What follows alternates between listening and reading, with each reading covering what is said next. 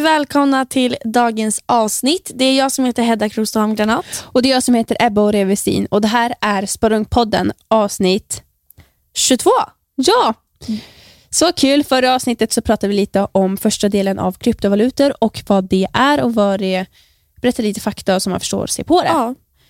Hur gör man, eller hur skapas det? Ehm, hur, hur, hur, är det, vad är det uppbyggt av helt enkelt? Mm, exakt. Men nu tänkte vi, när ni vet det, så tänkte vi gå in på vad finns det egentligen för för och nackdelar med det?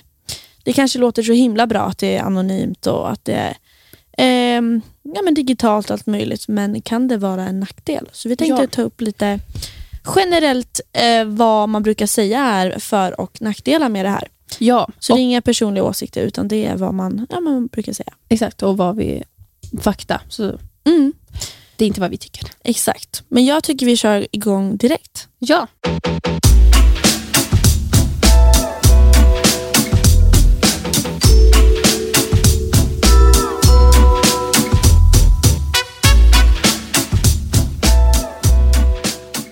De som tycker att kryptovalutan är en bra sak och är världens bästa uppfinning är, ja, men är väldigt många och kryptovärlden består av väldigt många olika människor. Och Människor har ofta eh, investerat så mycket tid och pengar i det här som till exempel kryptovalutor. Bitcoin-maximalister, eller maxis som de kallar, tror att bitcoin är allt och allt annat är inget. Andra kryptovalutor, alltså andra stora kända som till exempel ethereum eller tether, eller som Maxis kallar det, shitcoins, är sådant som försöker ta fokus från Satoshis uppfinning. Alltså han som är det synonyma namnet för uppfinnaren till bitcoin. Ja. Men alla det som är då bitcoin-maximalister eh, har gemensamt eh, och andra människor som kanske investerar i kryptovalutor eller någon av er som lyssnar är då att man tycker eh, att vissa saker är bättre och andra saker är sämre. Vi tänkte då ta upp några för och nackdelar som man brukar prata om. Vad är bra med kryptovalutor och vad är dåligt? Ja, exakt.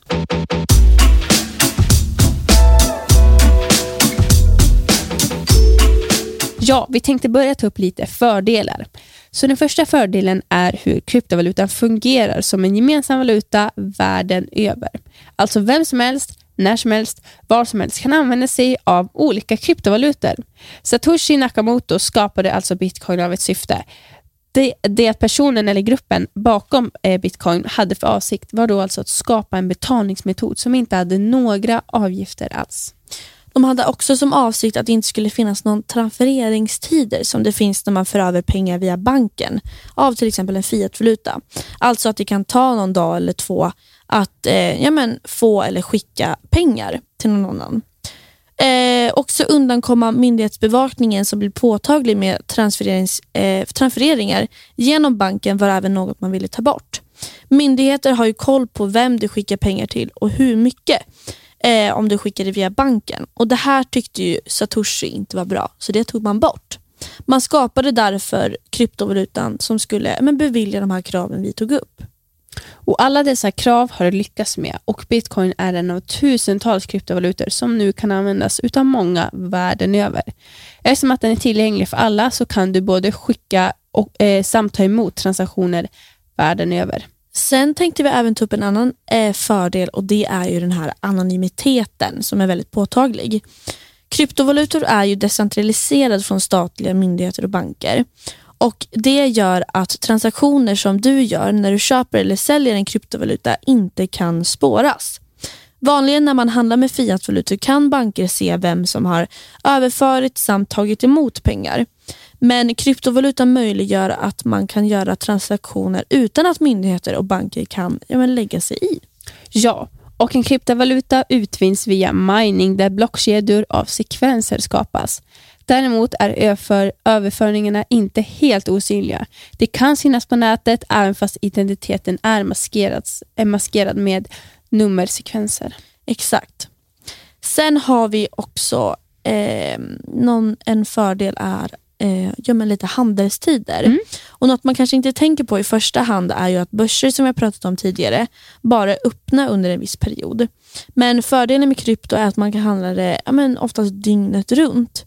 Eh, börsen stänger aldrig för den. Eftersom kryptovalutamarknaden inte styrs centralt kan den normalt handlas dygnet runt alla dagar i veckan och transaktionerna sker direkt mellan enskilda personer på kryptovalutabörser runt om i hela världen. Då. Ja.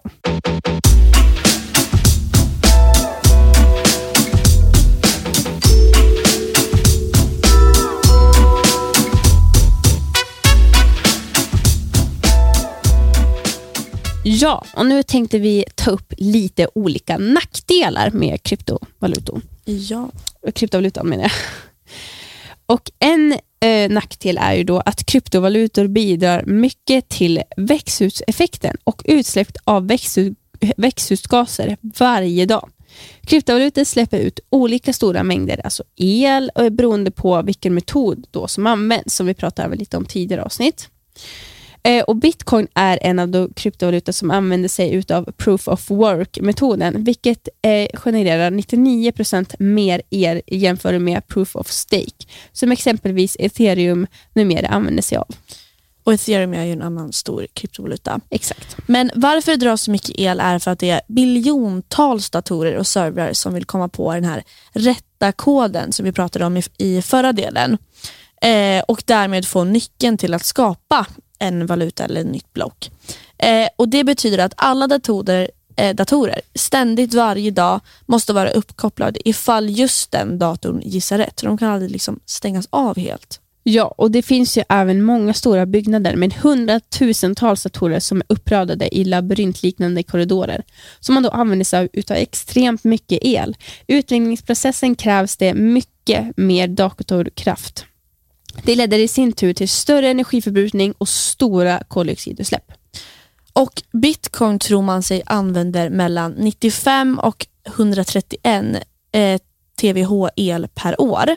Och För att jämföra dessa siffror med vad det betyder i praktiken så var hela Sveriges elförbrukning under 2020 136 TWh eh, per år. Det vill säga marginellt lika mycket som kryptovalutan bitcoin. Alltså ett helt lands elförbrukning uppmättes lika mycket som en kryptovalutas utvinningsprocess bara. Som till stor del är till förgäves eftersom inte alla datorer belönas utan eh, som står på sätt och vis på tomgång eftersom det bara är en dator som ja, men, får den rätta nyckeln. Ja, exakt. Sen finns det även en annan nackdel och det är volatiliteten. Och Till skillnad från när du handlar med vanliga valutor så sker det ju väldigt stora svängningar i valutans värde. Det sker med andra ord stora volatilitetssvängningar. Detta kan locka många köpare att de snabbt kan köpa och tjäna pengar snabbt och intresset för spekulationer för undersökande om vinst ökar. Med den höga volatiliteten kan det resultera i stora vinster men kom ihåg, det kan även resultera i stora förluster, vilket kan men, vara farligt för dig som är privatägare eller trader. Det kan till exempel gå upp på en dag bara 20-30% som man kanske hoppas på på flera år på en aktie till exempel. Men då måste man komma ihåg att det kan också gå ner 20-30% och du kan förlora väldigt mycket av ditt innehav. Ja, exakt. En annan nackdel är ju då kriminaliteten. Och Kryptovalutan är decentraliserad, vilket innebär att ingen central aktör, stat eller bank har kontroll över den. Med denna kryptering man använder gör det svårt att spåra transaktionerna eftersom hela tanken bakom kryptovalutor är att, inte ska är att det ska finnas en anonymitet. Och Det har gjort att många kriminella eh, tjänar pengar, använder kryptovalutor då för att utnyttja denna anonym anonymiteten. Ett uppmärksammat fall som skedde för några år sedan var försvinnandet på Anne Elisabeth Hagen som var eh, fru till den framgångsrika norska miljardären Tom Hagen. Och Anne Elisabeth blev kidnappad och i deras hall hittades ett brev. Och I brevet stod det att hon hade blivit kidnappad och förövarna som ska ha gjort detta krävde en viss summa i en kryptovaluta. Och Kryptovalutan var Monero, även kallad XMR, en annan typ av kryptovaluta. Och Förövarna krävde närmare 98 miljoner svenska kronor. Eh, fallet har blivit uppmärksammat även då som Löreskog-försvinnandet och det finns många dokumentärer om det här. Sjukt spännande faktiskt. Och Vad motivet kan vara bakom att det är i kryptovaluta som förövarna vill ha pengar i är att Monero tillåter betalningar som sker anonymt mellan mottagare och avsändare. Då. Till följd av att kryptovalutor är decentraliserade och anonymiteten i valutan har bidragit till att ofta sker ja, men kriminella handlingar eh, såsom Lörenskog försvinnandet och kidnappandet av Elisabeth Hagen beslutade EU-parlamentet år 2018 att det skulle bli striktare reglering kring det här. Och EU-parlamentet ansåg eh, att ökad risk för kriminella handlingar såsom finansiering av terrorism och penningtvätt var faktiskt ett faktum. En eh, åtgärd som skulle börja gälla är att alla börstjänster som säljer, byter och låter sina av användare eh, lagra kryptovalutor numera ska kräva en kundverifiering innan detta görs. Och Denna åtgärd gjorde så att kryptovalutan i EU blir lite mindre anonym. Eh, denna åtgärd och kundverifiering är samma som att bankerna där ni som lyssnar säkerligen har era pengar på till exempel vet ja, men vad du heter. till exempel. Ja. Eh, att det är Hedda som skickar pengar nu. Eh, I krypto kanske det, då, då finns det inga namn, då kan ingen se det. Men det vill man då ha som kundverifiering på de här plattformarna man kan köpa eh, och sälja eh, saker med krypto. Då.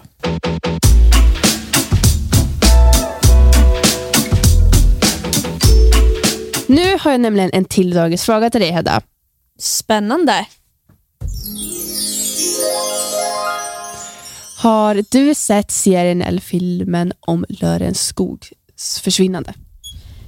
Eh, ja men det har jag faktiskt. Det var väldigt, väldigt intressant men jag tycker det är väldigt hemskt också. Jag tycker det är hemskt att eh, polisen inte har hittat henne eller kunnat spåra de här förövarna. Eh, och det är också för att de kan inte spåra dem längre eftersom det de vill ha pengarna i Monero är ju liksom anonymt. Ja.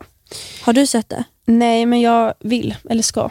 Ja. Absolut göra det. Sjukt spännande. Det var väldigt populärt för ett tag sedan, när den kom ut. Jag, måste, mm. jag vill nästan se den igen. Jag tyckte den var faktiskt väldigt bra. Ja. Ett tips till alla som lyssnar också. Mm. Ja, gå in och titta på filmen. Och Med det här så vill vi även säga tack och adjö för att ni lyssnade på dagens avsnitt. Ja. Och eh, Detta var del två av krypto, så glöm inte att lyssna på del ett och alla tidigare delar innan så att ni förstår. Ja, superkul att ni har varit med oss så här långt. Det börjar närma sig SM också. Jag är väldigt taggad på det. Jag är taggad och kul. nervös. Det är man ju verkligen. Och där kommer vi även lägga ut en TikTok-logg. Ja, det kommer vi verkligen. Så uh, håll utkik för framtida avsnitt. Det kommer väldigt roliga avsnitt och vi ska även besöka ett kontor som jag tror ni alla kommer att tycka är intressant. Ja, jo, Vi har även lite hemligheter som vi håller från er just nu men som ni kommer få veta snart. Så det är super, super, super kul. Ja, så glöm inte att vara glada, sprid glädje och ha en fortsatt, fortsatt fantastisk morgon, dag eller kväll.